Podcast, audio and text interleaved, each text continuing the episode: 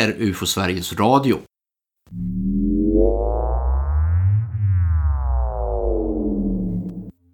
Sent i september 1977 i Parkstone Pool, Dorset, Storbritannien. 62-årige Ethel Mayfield höll på att tvätta när hon plötsligt hör ett starkt hummande ljud som hon går ut för att undersöka. Hon kan då se en grå diskusformad skiva i den mörka himlen över gården. Hon ser två stycken figurer i en kupol i fören på det här föremålet. Figurerna såg ut att vara av normal mänsklig form, klädda i silvriga kostymer. Då pekar en av figurerna neråt och kvinnan antar att de är på väg att landa på marken nedanför. Då kommer det ut en blå stråle från föremålets undersida och träffar marken. Strålen är så ljus att Ethel omedelbart höjer händerna mot ansiktet för att skydda sina ögon. Hon flyr i skräck in i huset, men då flyger farkosten istället iväg. Hennes händer blir röda och ömma i flera dagar efter händelsen.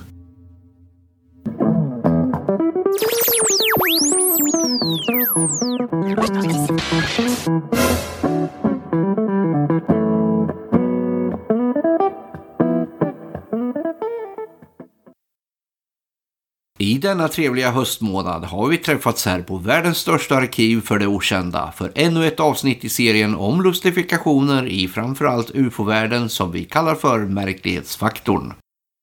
Jag som heter Tobias Lindgren hälsar just dig varmt välkommen till UFO Sveriges Radio. Men även till dig Thomas Bishanek. Tackar. I avsnittet idag lyser vi upp höstmörkret med några konstigheter. Hur skulle du vilja introducera avsnittet Thomas? Jo, i det här avsnittet av Märklighetsfaktorn så ska vi prata om lite olika fall med varelser som ni ju just hörde Tobias berätta om här i inledningen. I två av de här fallen så är det till och med så att vittnena har tagit foton av varelserna. Men nu är ju det här en radiopodd så de här bilderna vi pratar om kommer vi att lägga ut på Facebook. Vi gör ju så att när en podd är publicerad så lägger vi in ett nytt inlägg på UFO Sveriges Facebook-sida. Och där kommer vi att lägga in de här fotona vi pratar om så kan ni även titta på dem då i samband med att ni lyssnar på det här avsnittet. Man kanske inte ska ha allt för stora förhoppningar, men det kommer vi till.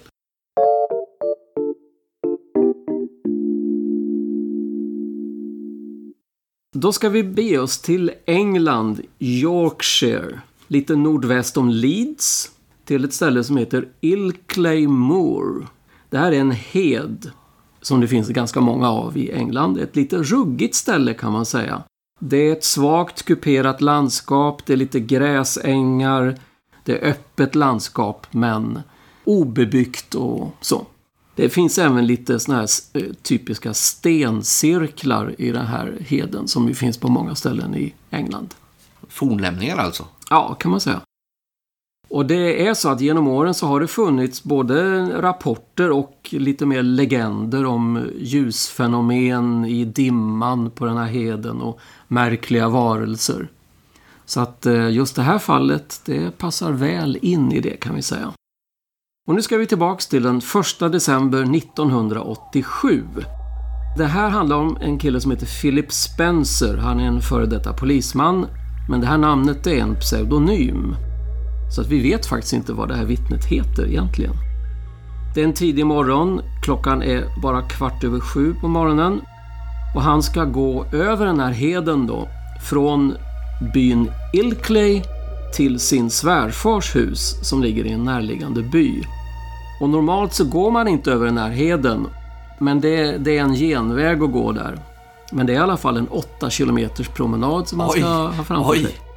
Och så hör det till saken att han är amatörfotograf. Så han ville på vägen då ta foton av de här lite ibland märkliga ljusförhållandena som finns på heden. När liksom den uppåtgående solen träffar morgondimmorna. Då blir det lite, så här, lite mystiskt och det vill han ta lite foton av. Så därför hade han med sig en kamera. Och det här är ju en gammaldags kamera då med filmrulle. Och då finns det någonting som heter ASA-värde som talar om hur ljuskänslig filmen är. Och det är ett högt värde då för att kunna kompensera för det här svaga ljuset som är här på morgonen. För solen har inte ens gått upp här då. Så han har ställt in den här kameran för de här ljusförhållandena då som gäller på den här morgonen. Och så är det en sak till. Han har med sig en kompass också. Och det har han med för säkerhets skull om man behöver navigera i den här, på den här heden när det blir dimmigt och han kanske inte är riktigt säker på vilken riktning han ska gå i. Risk att gå vilse alltså. Ja, det har väl hänt här tydligen. Det kryddar ju historien ännu lite mer. Ja, precis. Men så har han i alla fall nu gått i ungefär 30 minuter. Och då stannar han, så har han kameran framme och så liksom letar han efter något bra fot fotovinkel kan man säga. Något bra objekt här att fota. Och solen har fortfarande inte kommit över horisonten. Nej, precis. Och så får han syn, liksom i ögonvrån till höger om sig, en lite konstig figur. Så han vänder sig dit och tittar på den här figuren. Och den är så nära som kanske bara 10 meter bort i en, liksom en sluttning. Och så tänker jag, tror han först, det här är ett barn som har klätt ut sig på något sätt. Men så inser han att det här är ju inte en människa. Den har väldigt stort huvud den här varelsen, stora ögon. Och så rör han sig bort från Spencer här då. Eh, och så stannar han till den här varelsen och vänder sig om. Och då lyckas han ta fram sin kamera och ta ett kort på den här varelsen. Och nu är avståndet ungefär 15 meter. Så man kan tänka sig att den har varit närmare innan han upptäcker den. Ja, lite närmare. Nu hör det till saken att när man läser om det här fallet så de här avstånden är lite... Ibland sägs det vara 50 meter och sådär. Det är lite osäkert. Men i alla fall, han tar ett kort. Och när han har gjort det så ser han att den här varelsen, han gestikulerar med ena armen som att han ska hålla sig borta. Så tolkar han det, liksom en stopptecken. Backa eller något liknande. Ja, precis. Och så springer han iväg upp för en sluttning, den här varelsen då. Och nu får Spencer, nu tar han mod till sig här och springer efter. För han blir nyfiken. Vad är det här för filur liksom som inte är ett barn? Och så kommer han över en kant på en höjd där. Och då är varelsen borta. Men då ser han istället en ganska stor flygfarkost. Som svävar strax ovanför marken med en kupol ovanför. En typisk, ja ett typiskt tefat helt enkelt klassiskt tefat. Ja. Men den var alltså dold av eh, ja, terrängen först. Precis, den Men, låg ju bakom ja, höj, höjden. Det jag undrar över är dimman, hur, hur nära, hur långt man kan se ungefär. Är det tät dimma? Nej, nu är det inte det. I det här Nej, så nu har man, man kan se ganska långt. Ja, faktiskt. Men det har varit dimmigt i alla fall. Diskusen eller tefatet lyfter då och flyger iväg snabbt. Och tyvärr då så hinner han inte ta något foto. Man vet ju själv hur det är. Man tänker kanske inte på Eh, att ta ett foto. Han hade stoppat undan kameran också. Så att ja, det var lite typiskt. Det kan man också återkomma till, vad det tyder på detta. Men hur som helst, nu blir Spencer, han blir förbluffad här och eh, nu bestämmer han sig för att jag går hem till byn. Det, det här var jättekonstigt. Och nu lägger han märke till två saker när han ska gå hem. Kompassnålen, när han tar fram kompassen. Och han tycker att nu, nu står jag ju mot norr. Men kompassnålen den pekar åt söder istället för mot norr. Så han tänker det här är någonting fel, så han struntar i kompassen. Han går på känsla. Och så är det en annan sak han upptäcker nu, att nu har gryningen har redan inträffat. Tycks han ha missat på något sätt. Så han förstår att det är mycket ljusare än vad det borde vara. Så solen har kommit upp en bit över horisonten? Ja, den har gjort det nu då, tydligen. Bara så? Ja, jättekonstigt. Och så går han tillbaks då och den där promenaden den tar ungefär 30 minuter. Alltså och, han går hem igen, han går ja, inte vidare i... Nej, han beslutar sig för att avbryta den där utflykten och gå hem. Mm. Så han kommer tillbaks till sin by igen då. Så finns det en kyrkklocka där. Och då visar den klockan 10. Han gav sig iväg 07.15. Och han tycker det här borde ha tagit ungefär en timme. Klockan borde vara 8.15 kanske. Men hon är 10. Och det är fullt med liv och rörelser och folk har ju kommit upp och sådär och stan eller byn är liksom igång här. Så han börjar vad är det han har sett egentligen? Vad är det som har hänt? Och då förstår han just det fotot, nu måste jag ju. Han tar en, han tar en buss till en annan by där det finns ett fotolabb. Där de kan framkalla på en timme. Så han lämnar in filmen. Det här är ju som sagt förr, det fanns ju inga digitalkameror. Man måste framkalla film. Och han får tillbaks filmkorten då. Och hittar det här fotot då på rullen. Och det är ju jättedålig kvalitet visar det sig då. Aj då. Men man ser i alla fall en varelse där som man uppskattar kanske är ungefär fyra fot lång då. Alltså det är någonstans 120-130 centimeter. Och lite blågrön färg sådär. Så han blir ju väldigt fundersam och lite exalterad också. Vad är det han egentligen har fotat? Men han, han var amatörfotograf sa du? Ja. Han hade inget hemmalabb eller sådär? Nej, tydligen inte. Nej. Utan lite bara vanligt ja, Jag tänker mig också att det kanske är krångligare. Det är enklare att ta bussen och fixa på en timme. Ja, exakt. Ja, för att han var exalterad och ville se det där lite snabbt. Ja, precis. Så han hade nog ingen sån utrustning för att göra det. Men eh, han hade ju, han hade ju sett det här ufot också då. Så han tog ju kontakt med en ufo-undersökare. Han letade fram det på något sätt. Peter Howe hette han. Och han då var ju först lite tveksam till den här historien med ett foto liksom. Men det visade sig då att eh, när han träffade, de träffade varandra, Spencer han liksom var en ärlig person. Han sökte inte någon berömmelse, han ville inte ha några pengar för det här. Och han ville vara anonym. Så det är ju ett bra tecken. Men det var väldigt nära i tid som de träffades. Ja, det var det. Peter Howard han bestämde sig för att det här fotot måste ju granskas. Så han gav det till en expert på djurliv, Tony Marshall hette han. Och han kom ju fram till att ah, det där var ju inte något känt djur som lever på den här, här liksom i de här omgivningarna. Och det är ju liksom en uppåträtt varelse. Och den borde inte vara i den miljön. Nej. Och så skickade han det här fotot till ett labb, Kodak, för analys. Och de kom ju fram till att fotot var inte manipulerat. Det var inte dubbelexponerat. Analog film är det ju lite svårare att trixa med än digital varianten vi har. Jag antar att det var negativet de skickade i filmen. Ja, det måste det vara. Så att det var, inget, det var liksom inget trixande med filmen utan det är ett äkta foto på något sätt. Och så till och med skickades det här till US Navy av någon anledning för datoranalys. Ja, den de hade, kopplingen ser man inte Nej, den ser man inte. Men de hade väl någon... Peter Howe var väl engagerad i någon brittisk UFO-organisation så de hade väl ett utbyte där. Men de kom ju fram till att den här filmen var ju alldeles för grynig för att kunna göra någon... Ja, det var tänkte på det med det här asavärdet. Ja, precis. För då, vill man ha ljus så blir det ju... Det man får som negativitet är ju grynigheten. Ja, exakt. Det var ju så förr i tiden. Ja, det, så är det ju även naturligtvis ja. med digitalkamera. Att har man dåligt ljus så blir det grynigt. Det här fotot är ju hur som helst. Det är färg.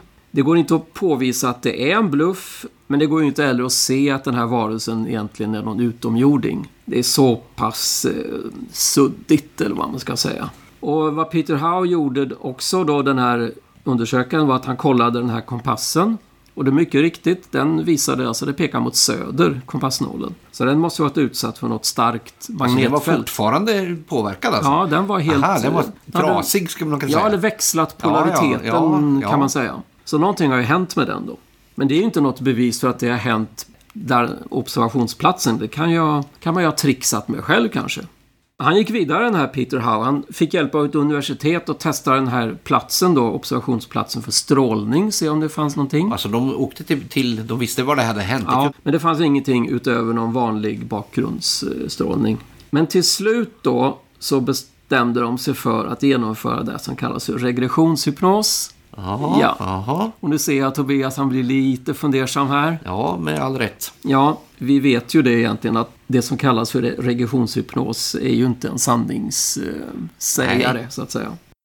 Men hur som helst, han blir, han blir då satt under hypnos och får berätta vad han har varit med om. Och allting egentligen i början blir berättaren precis som han själv har upplevt den här historien i vaket tillstånd. Men när han ser den här varelsen så säger han att den här varelsen kommer emot honom och så blir han paralyserad, han kan inte röra sig. Och så börjar han sväva i luften och den här varelsen då som är ganska nära honom, han, han börjar liksom dra med honom ungefär som man tänker att man har en ballong på ett snöre. Va? Så han svävar efter den här varelsen som liksom drar honom framåt på något sätt.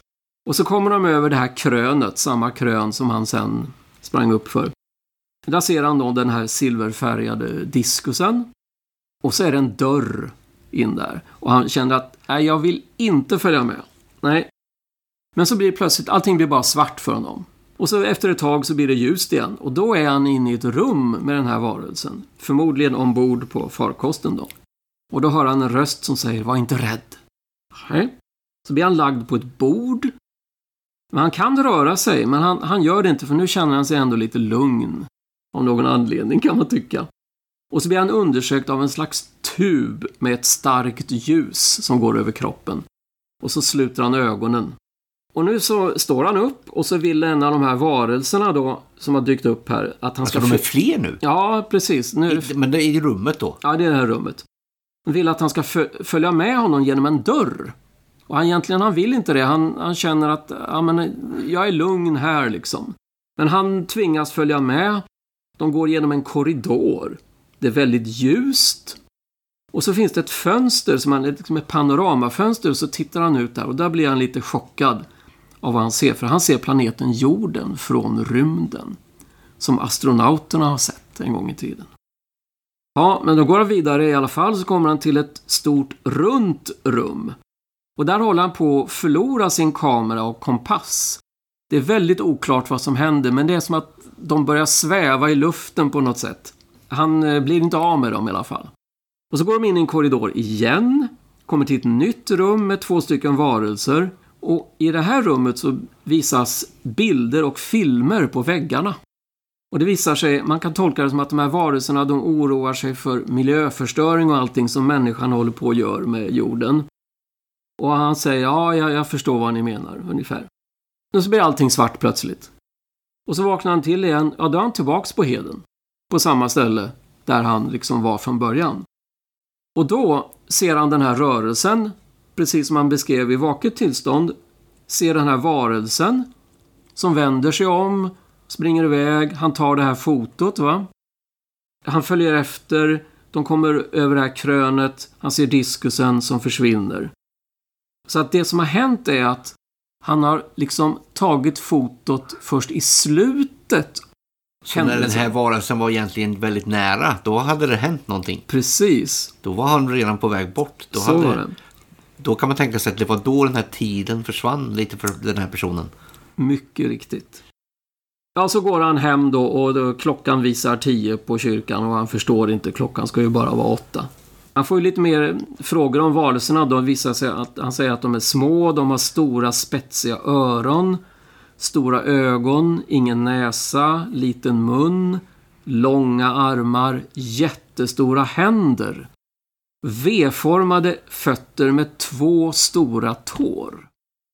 Och händerna har tre stora fingrar. De är som korvar. Och de är alldeles för stora. De är dubbelt så stora som hans egna händer. Och så är de ungefär fyra fot långa. Och så får han en fråga om den här, de här filmerna också då som man fick se inuti det här skeppet då, eller vad vi ska tolka det som. Då berättar han, ja men ett av dem visade förstörelse och nedskräpning och svältande människor, alla möjliga katastrofer, allt som människan ställer till med. Och så finns det, var en annan film också. Men den får han inte säga någonting om. Han är förbjuden att berätta vad den visar. Så inte ens under hypnos så berättar han det, utan nej, jag, kan, jag får inte berätta det. Där avslutas hypnossessionen då. Och nu är det ju så här att Peter Howe, alltså ufologen, han hade noterat ett problem med det här fotot. Väderförhållandena på platsen gjorde det omöjligt att den här bilden kunde ha tagits vid den här tidpunkten som Spencer säger att den togs då. För himlen är alldeles för ljus. Rent tidsmässigt. Ja, precis. Men då får man ju förklaring av det här som hände under hypnosen. Att fotot togs ju liksom efter själva händelsen. Va? Då har det gått minst en timme förmodligen. Och då stämmer liksom ljuset. Då har solen verkligen gått upp. Och det är därför han har missat soluppgången. Va? Som han först i början tyckte var så konstigt. Så de- den har liksom skett medan han var borta då, så att säga. Så att det här fotot borde egentligen ha varit mycket bättre om det skulle ha tagits vid den här tiden 07.45 då, en halvtimme efter att han gav sig iväg. För solen gick upp nämligen klockan åtta. För då hade ljuset i naturen varit i förhållande till filmen mycket mer överensstämmande. Ja, precis. Film, inställningen på kameran Ja. hade passat liksom ljusförhållandena mycket bättre. Ja, det jag undrar över är ju andra fotografier. Tog han ingenting på vägen dit? Fotade han inte överhuvudtaget? Eller Nej, eh, efter, före? ja, eh, det här var det första fotot han tog under promenaden. På filmen så fanns det andra foton från andra tillfällen. Som ju var mycket bättre kvalitet för att då hade han nu fotat under liksom andra förhållanden. Normala förhållanden, ja. Och sen han hade tagit några foton när han kom tillbaks till byn bara. Sådär för att han ville få slut på rullen ungefär.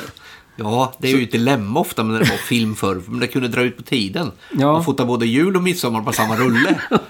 ja, men så, det, det har man ju varit med om. Ja, Nu för tiden är det ju inget problem. Då kan du ju skjuta hur mycket som helst. Ta hur Ja. många bilder som helst digitalt. Men då ville man, det var ju ekonomi i det hela naturligtvis. Absolut. Film var ju inte gratis. Nej, så var det ju. Och nu när man går tillbaks, tänker efter här nu. Det här som gestikulerandet som varelsen gjorde, som han uppfattade från början som ett stopptecken. Det har han nu tolkat som, men han vinkar adjö. Det sker ju efter att han har varit ombord. Va? Det, är liksom, det läggs ett pussel här kan man säga av allting här.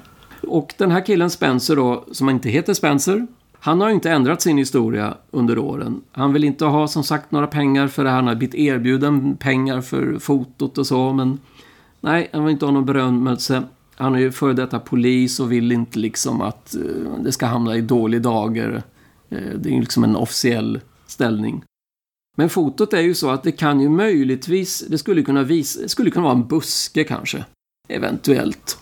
Eh, eller en docka har man eh, liksom tänkt på. Ja, det, det är bluff där. Han har ställt ut en docka liksom och tagit ett foto.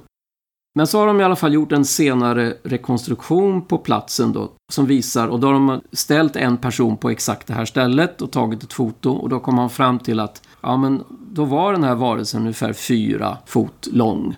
Och då har de också, säger de att de har uppmätt avståndet från där tog fotot till där figuren stod till 12 meter. Så det är verkligen inte långt bort. Men det är som sagt, det är dåliga ljusförhållanden. Och fotot är inte bra, kan man säga. När man ser det hela fotot från början så kan man överhuvudtaget inte urskilja varelsen. Man nästan. förstår inte vad det är från början. Nej. Men sen kan man göra en förstoring och man kan ju leka med kontrast och sånt här numera. Eh, I digitalisera bilder. Så man kan ju få fram en lite bättre bild. Så någonting står där. Och när de var här på platsen och, och rekonstruerade, då såg de alltså att det finns ingenting annat. där. Det finns inga buskar, inga träd. Det är liksom helt platt på marken här. Så att någonting är det ju som står där. Men vad är det för någonting? Vi kommer som sagt att lägga ut de här bilderna så ni själva kan bilda er en uppfattning. Men ha inte för stora förhoppningar. Men det har inte blivit något efterspel av den här händelsen. Jag tänker om man har, det, det är ju ett par år som har gått sedan det hände. Om någon har återupptagit det eller försökt att göra något mer eller... Nej, i och med att han är anonym då, så ingen annan har ju egentligen kunnat kontakta honom. Det är bara den här Peter Howe som har kontakten. Och eh, han har bara pratat med honom några gånger efteråt och han vidhåller sin historia. Han vill inte göra någon stor grej av Han det är här. nöjd med det Ja, liksom, han, han vet vad han har varit med Ja, om. och han, för honom är det ett avslutat kapitel. Ja, precis. Han har fotot som ett bevis på att han själv Råkade har, ut för Ja, någonting. har verkligen varit med om någonting. Och men, hur kom fotot då till allmänhetens kännedom? nej, men det var ju för att han vände sig till Peter Howe. Ja, ja, och då publicerar han det på något sätt. Ja, precis. Det här blev ju lite uppmärksammat. Men... ehm, Men det är inte jättekänt. Nej, det tror jag inte. Inte i alla fall av oss i Sverige. I England är det möjligt att man kanske känner till det mer. Ja, men jag tänkte på det här som hände på Solway Firth, Spaceman där. Det var ju en, eh, en, en mycket känd bild där eh, fotografens dotter, Jim Templetons dotter, sitter och det är en rymdgubbe bakom. Ja, just det. Liksom något astronautliknande som sticker ja, fram. Ja, den är ju mycket mer känd. Och den var väl också tagen på någonting som heter Berg Marsh. Det kanske mer är ett träsk eller så. Ja, det tror jag. De var väl ute och solade där. Men, jag, men eh, likheten, bild, känd.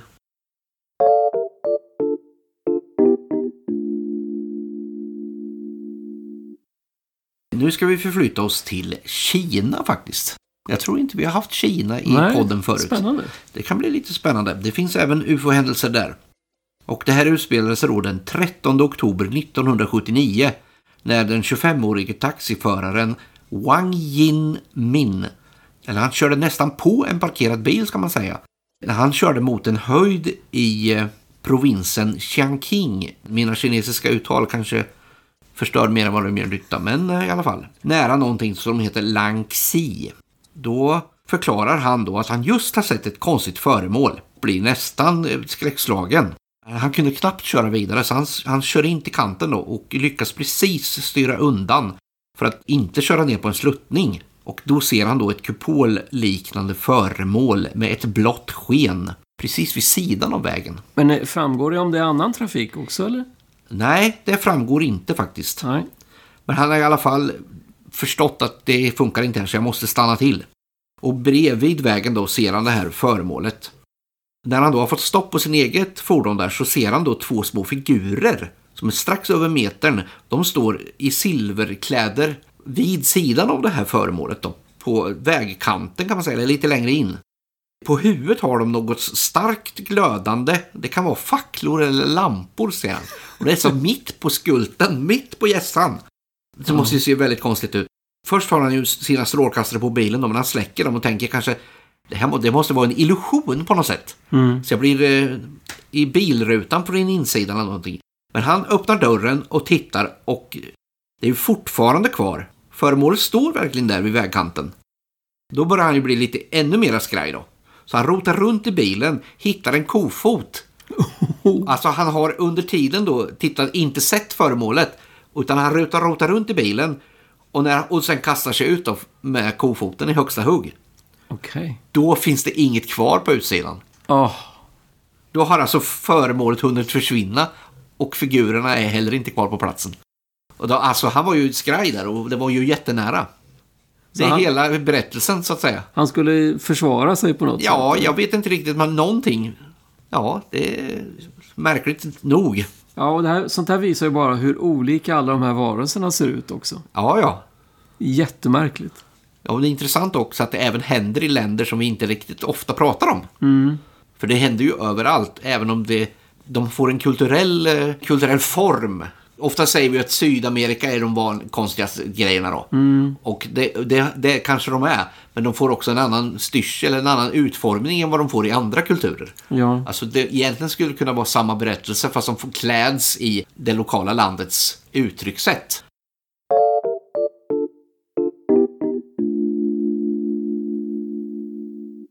Då ska vi köra ett fall till med sånt här märkligt eh, foto av varelser. Spännande igen, tycker Finns det ännu mera foton av varelser? jag.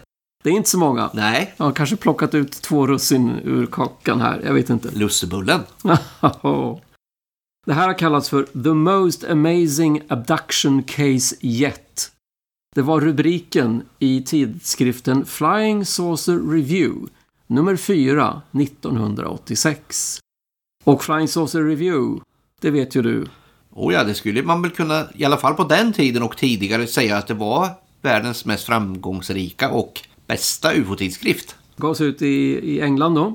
Det här var 1986 och det är alltså årgång 31 av den här eh, tidskriften. Så då förstår man att de har hållit på ett tag. Det var ju en, en tidskrift som hade flera medarbetare och skribenter över hela världen då som skickade in material om olika ufo-fall från hela världen. Och den här berättelsen har då skickats in och skrivits av en, en ufolog i Spanien som heter Antonio Ribera. Han var en känd spansk ufolog. Det finns många bilder på honom. Han har träffat Allen Hynek till exempel och så. Han var i farten kan man säga där på 80-talet. Han lever dessvärre inte längre.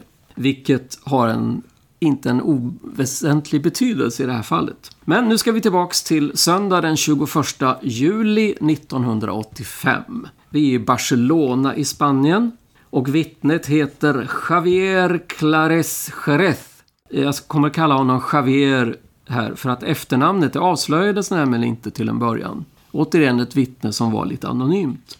Han var i alla fall 23 år gammal, han var gift och han var professionell fotograf. Och tecknare dessutom. Vilket är också intressant i det här fallet. Bodde som sagt i Barcelona, han gav sig iväg på morgonen den här söndagen. För han skulle åka till ett ställe som heter Valgorginha Med reservation för uttalet. 25 kilometer från Barcelona. Där skulle han fotografera någonting som kallas för en dolmen. Alltså en, en dös, skulle vi nog säga på svenska. En stenåldersgrav. Med såna här resta stenar med liksom tak på, eller hur man ska uttrycka det. I alla fall så hade han med sig två kameror. En helt vanlig Olympus-kamera. Men så hade han konstruerat en egen kamera också. En så kallad lådkamera. De kan väl ta olika slags bilder helt enkelt.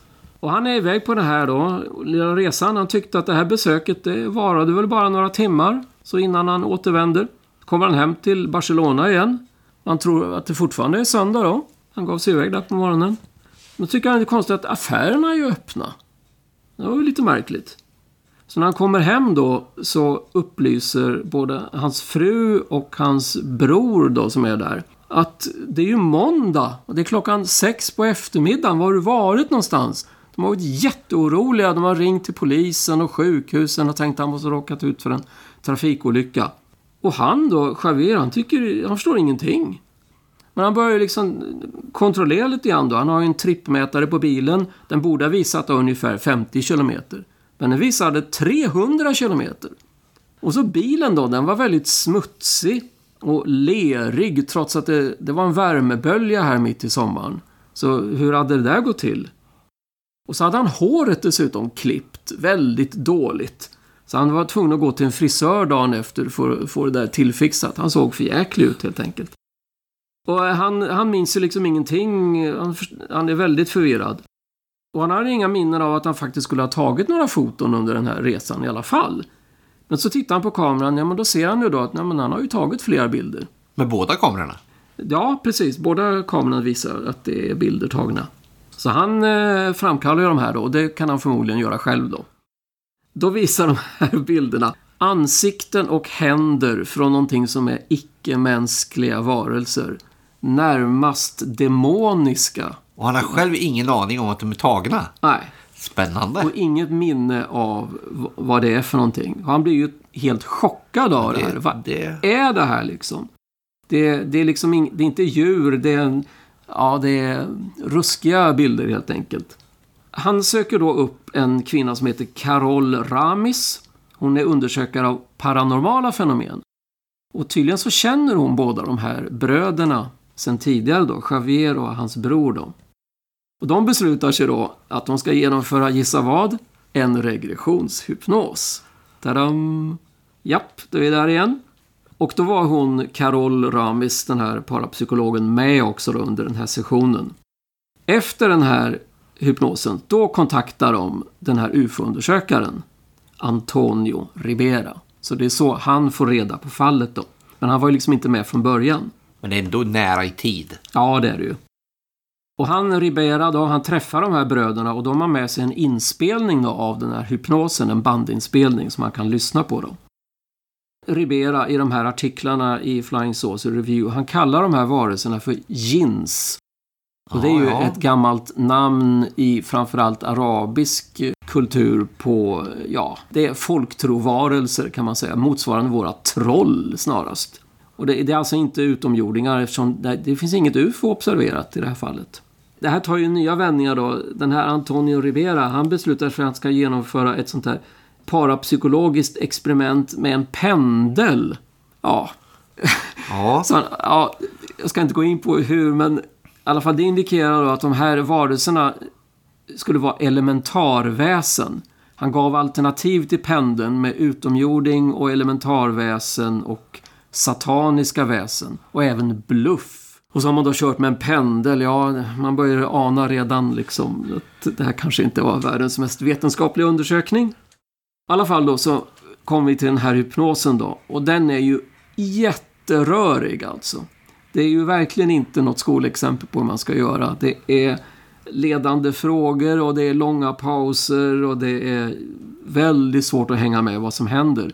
I och för sig inte alldeles ovanligt när en person berättar under hypnos. Men vet man vem som har gjort hypnosen? Ja, det vet man också. Är den personen, en, är det seriöst eller är det professionellt gjort? Det, det är i alla fall en, en person som har gjort hypnos av liknande fall då. Men frågan är, det är ju UFO fortfarande relaterat. En sån person kan ju ha sina egna infallsvinklar till exempel. Under hypnosen så kommer du fram till att han åker på den här vägen upp till den här stenåldersgraven då som han ska eh, titta på. Så han stannar och så plötsligt blir det dimma mitt i sommaren.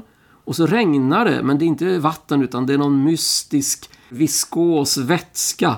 Väldigt konstigt. Segt jox. Ja, liksom precis. Och han, han är utanför bilen och han, han hittar inte nycklarna. Men han säger att ja, han fotograferar himlen i alla fall.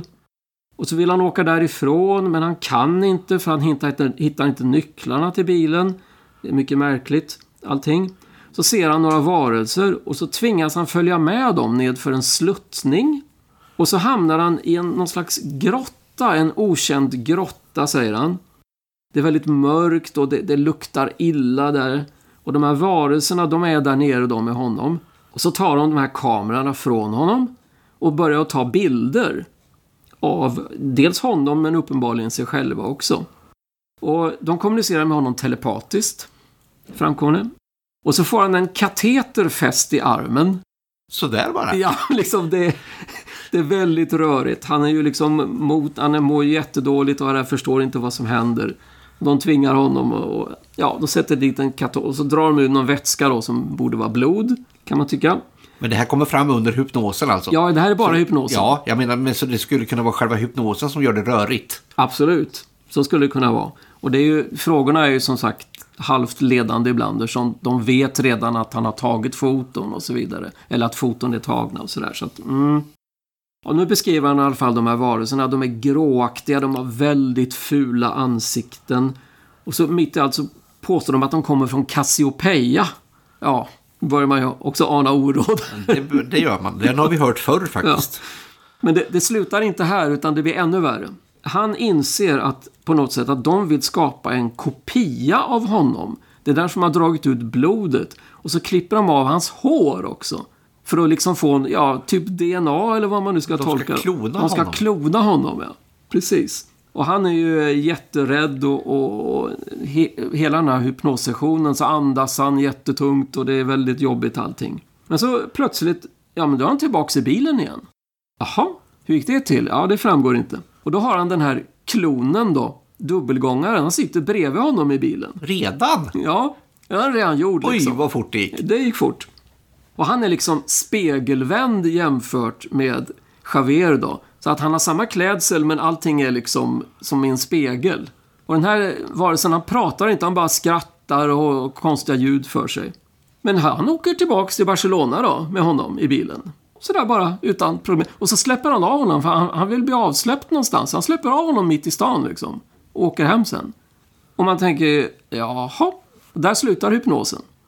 Och sen då så kommer det flera stycken påstådda historier om hur den här dubbelgångaren då ska ha setts på olika platser i Barcelona då. Av folk som känner Javier. Och han ska, Javier ska till och med själv ha sett honom. Sig själv som dubbelgångare. Och det här skriver då Antonio Ribera, den här ufologen, om i uppföljande artiklar i Flying Saucer Review. Så det blir bara värre och värre det här. Hur får man till den här extra kilometern? Ja, Då börjar man spekulera att han Javier, han har egentligen besökt en annan stenåldersgrav på något annat ställe.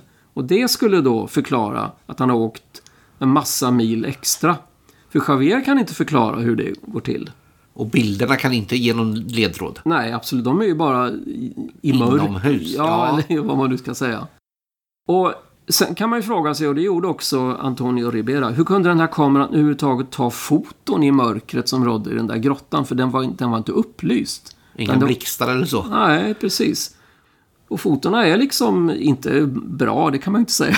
Men de är inte tagna i mörker i alla fall.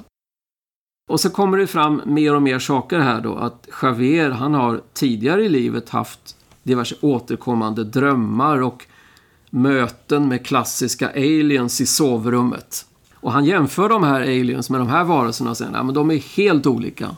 Det är verkligen någonting helt annat. Och ytterligare en sak som kommer fram det är att Javier han har tydligen besökt det här stället, det här Valgorginha, tidigare en gång, för flera år sedan. Och då påstår han att han också har upplevt förlorad tid. Och dessutom sett ljusfenomen vid den här stenåldersgraven. Så man känner att nu är det mycket som händer här. För mycket redan skulle jag säga. Ja. Han undersöks också av en psykolog, sägs det. Han har hög intelligens, annars är han helt normal enligt psykologen. Och det här fallet fick ju enorm uppmärksamhet i media då i Spanien när det här kom fram. Två gånger så har det varit med i nationella tv-program. Javier har varit med en gång och blivit intervjuad och eh, har då suttit bakvänd i profil som han inte har kunnat se honom eftersom han ville vara anonym då tydligen. Och det hör också till saken att den här platsen då, Valgorginia, den var välkänd bland folk som var intresserade av det paranormala och det okulta. Det är mycket såna här med gamla varelser och stenåldersgravar och mysticism och sådär. Så att det här blev ju väldigt populärt i den kretsen då. Och han har träffat de här varelserna som folk spekulerar i finns och sådär va. Men folk vallfärdar dit och, ja, precis. och kollar alltså? Och de har ju, folk har ju letat efter den här grottan och de här varelserna. Det är ju ingen som har hittat då. Naturligtvis. Om, men nu vet man ju inte var han var då egentligen. Så att, ja. Men det är inte de här som han sa sig skulle åka och fotografera. Det kan man inte egentligen utläsa. Nej, det kan man inte. Man vet ju inte var han Nej. har varit helt enkelt. Och det är ju väldigt få andra undersökare som har kontaktat den här Javier direkt då, eftersom bland annat hans namn har varit eh, lite halv eh, anonymiserat då. Och det finns ju flera påståenden av närstående till slut att den här historien är en bluff. 1993 kom det fram första gången att någon i familjekretsen hade sagt att Nej, den där historien är ju bara påhittad. Och som sagt, hypnossessionen den lämnar ju väldigt mycket att önska. Det är ledande frågor. Någon, någon som kan hypnos säger att det verkar inte som att han är i trans ens. Han, han berättar inte på det sättet man gör när man ska återuppleva en händelse. Utan han, han bara berättar om vad som händer istället för att uppleva det så att säga. Han skulle ju i princip fejka den alltså. Ja, Det är vad man tror. man tror det, ja precis. Då är det så här att tiden går ju här då. 2014 så skrivs det en kritisk artikel i en tidskrift från en organisation som heter CEI, Center for Interplanetary Studies i Spanien. Och Rib- Antonio Ribera då, han tillhörde tidigare den här organisationen. Och den slutsatsen som de drar av alltihop, det är att Javier har bluffat ihop historien, hittat på den och lurat den här Antonio Ribera då, ufologen, att det här verkligen har hänt. Och alla de här andra personerna runt omkring. Eller hade han medhjälpare, vet man det? Det vet man ju inte då. Men det var deras slutsats på något sätt att eh, det är Javier som har kokat ihop historien och fått med sig den här hypno hypnotisören visste väl inte om det, utan någon ska ha bluffat under hypnosen och så vidare. Va? Och nu var det så att inför den här podden så kontaktade jag faktiskt en spansk ufolog som är aktiv idag som heter Luis González Manzo. Och han har, en, han har en katalog full med ufo-fall med varelser. Han gör någon sån lista eller katalog. Och han säger då att 2014 så kontaktades Javier av en annan ufolog, Manuel Carbajal. Och han påstår då att den här historien, nej men den har skapats av Antonio Ribera. Alltså ufologen som skrev artikeln från början. Och att han bara har sålt ett manus till honom, Ribera. Så det här blir ju, nu är det liksom, nu börjar man undra, vad är det här? Och då menar han, Javier, att fotona, ja men de har, de har inte jag tagit. De har, måste den här Antonio Ribera ha gjort istället. Eller så påstår han å andra sidan, nej men jag minns nog inte riktigt vad som hände här 1985. Det har ju gått 30 år då. Det blir ju bara rörigare och rörigare då. Och det, dessvärre så är det så att Javiers bror då, han hävdar, ja men någonting hände nog ändå. ja, jag, jag ser på det. nej, irrgångarna blir värre och värre. Ja, och det, det visar ju sig då att trots att Antonio Ribera då var en spansk ufolog som var liksom, eh, ja, seriös. Som Men man han var tycker. respekterad. Han var respekterad. Men han var också väldigt intresserad av jins, alltså de här eh, folktrovarelserna, arabiska. Eh, och Spanien har ju varit arabiskt genom eh, delar i historien. Historien, absolut. Och att han kanske liksom bara, han ville ha en bra story. Och att han då skulle ha kontaktat eh, Javier, som han då eh, kände sedan tidigare. Och bett honom att skriva ihop någon historia som han kunde använda till en UFO-artikel. Det är liksom tanken som har dykt upp här då. Och det, det sista i den här historien det är nu att för ett par år sedan, den 9 september 2020, så gjorde Manuel Carbajal, han gjorde en lång podd om det här fallet. Men den är ju på spanska då. Det blir lite svårt för Ja, oss. jag då. har ju lyssnat på den och man hänger ju inte med. Jag har ju läst spanska ett år på gymnasiet. Juhu! Det var som igår. Så det, Men förstod du någonting? Nej, men det, det, det framgår ju liksom av texten runt att de avslöjar fallet som bluff, helt enkelt. Och de bestämmer sig för att det är konstaterad bluff. Ja, Det finns ingenting kvar som skulle kunna vara en tråd eller någon liten krydda av sanning. nej. Det är till och med så på ett ställe jag hittade att den här uttalandet från den här psykologen som undersökte Javier det var inte bara positivt utan det stod att han dessutom hade tendenser att fabulera och ljuga. Javier, han är ju liksom... Folk vet ju vem han är. Han, är en, han pysslar med plast. och, jag vet ju inte liksom om han någonsin har tagit... Eh, vad ska man säga? Reagerat på de här anklagelserna då. Uppenbarligen så är det här fallet en bluff. Och det Men om han inte själv man... skulle ha varit involverad på något sätt. Då kanske han inte heller vill göra någon aff- aff- affär av det. Nej, precis. Och Antonio Ribera är som sagt död, så honom kan man inte konfrontera. Men eh, det mesta tyder på att han, om han inte har hittat på det själv, åtminstone har varit väldigt delaktig i den här bluffen då. Varför han nu skulle vilja göra det, som ändå en respekterad ufolog, verkar konstigt. Men man kan ju säga att hela den här historien och de här fotona, det, det är för mycket liksom. Men hur ser fotografierna ut då? Kan vi se dem på... Ja, de kommer vi också lägga ut på Facebook. Intressant. Bli- Kommer vi bli rädda för dem? är de så skrämmande som vi sa här i början? Ja, de är framförallt inte jättetydliga. Är vi där igen? Man ska inte ha för stora förhoppningar på dem. Nej. heller, Alltså. Det var någon som tyckte att ja, det ser mest ut som sån här, eh, vad heter de, bläcktest, sån här, vad heter Rorschach. de? Ja, precis. Det är liksom ingen, det är ingen, finns inget djup i bilderna. Och de skulle mycket väl kunna vara, vara fejkade. De har heller inte analyserats i sen, på senare år. För det har man inte, det behövs kanske inte. Nej, jag tror Storyn inte. håller ändå inte Nej. ända så långt. Man kan nog säga att de flesta ufologer idag liksom tar sina händer från det här fallet. Det blev väldigt uppmärksammat då, men eh, tyvärr så kan vi nog lä- lägga det åt handlingarna. Men i det här fallet så skulle det ju faktiskt kunna vara så att vi sitter närmare svaret än vad vi tror. Vi sitter ju faktiskt på ett arkiv här. Just det. Och nu när vi tänker efter så har vi ju faktiskt arkivet från den här organisationen, CEI, Centro de Studios Interplanetarios. som det var till och med så att Antonio Ribera var med och skapade 1958. Så att eh, om vi rotar i arkivet... Det som vi kallar för spanska kryptan. Okej. Lite skojigt faktiskt. Okej. För det är ju inte riktigt färdigt. Det står ju där i förvaring just nu. Det, det ska ju bearbetas. Okej. Så att det kan ju vara så att svaret finns där. Ja, så kan det vara.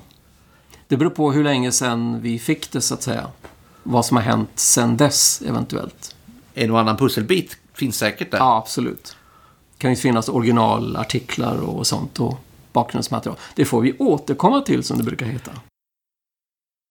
UFO Sveriges Radio görs av Riksorganisationen UFO Sverige. Kontakt med UFO Sverige görs enklast med e-post på adressen info.ufo.se. UFO Sveriges Radio finns där man hittar poddar. Tack säger jag till Thomas Michanek och hoppas vi hörs i UFO Sveriges Radio snart igen. Tack själv Tobias.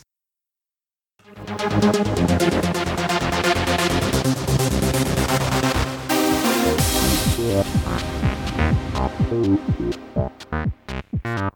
you.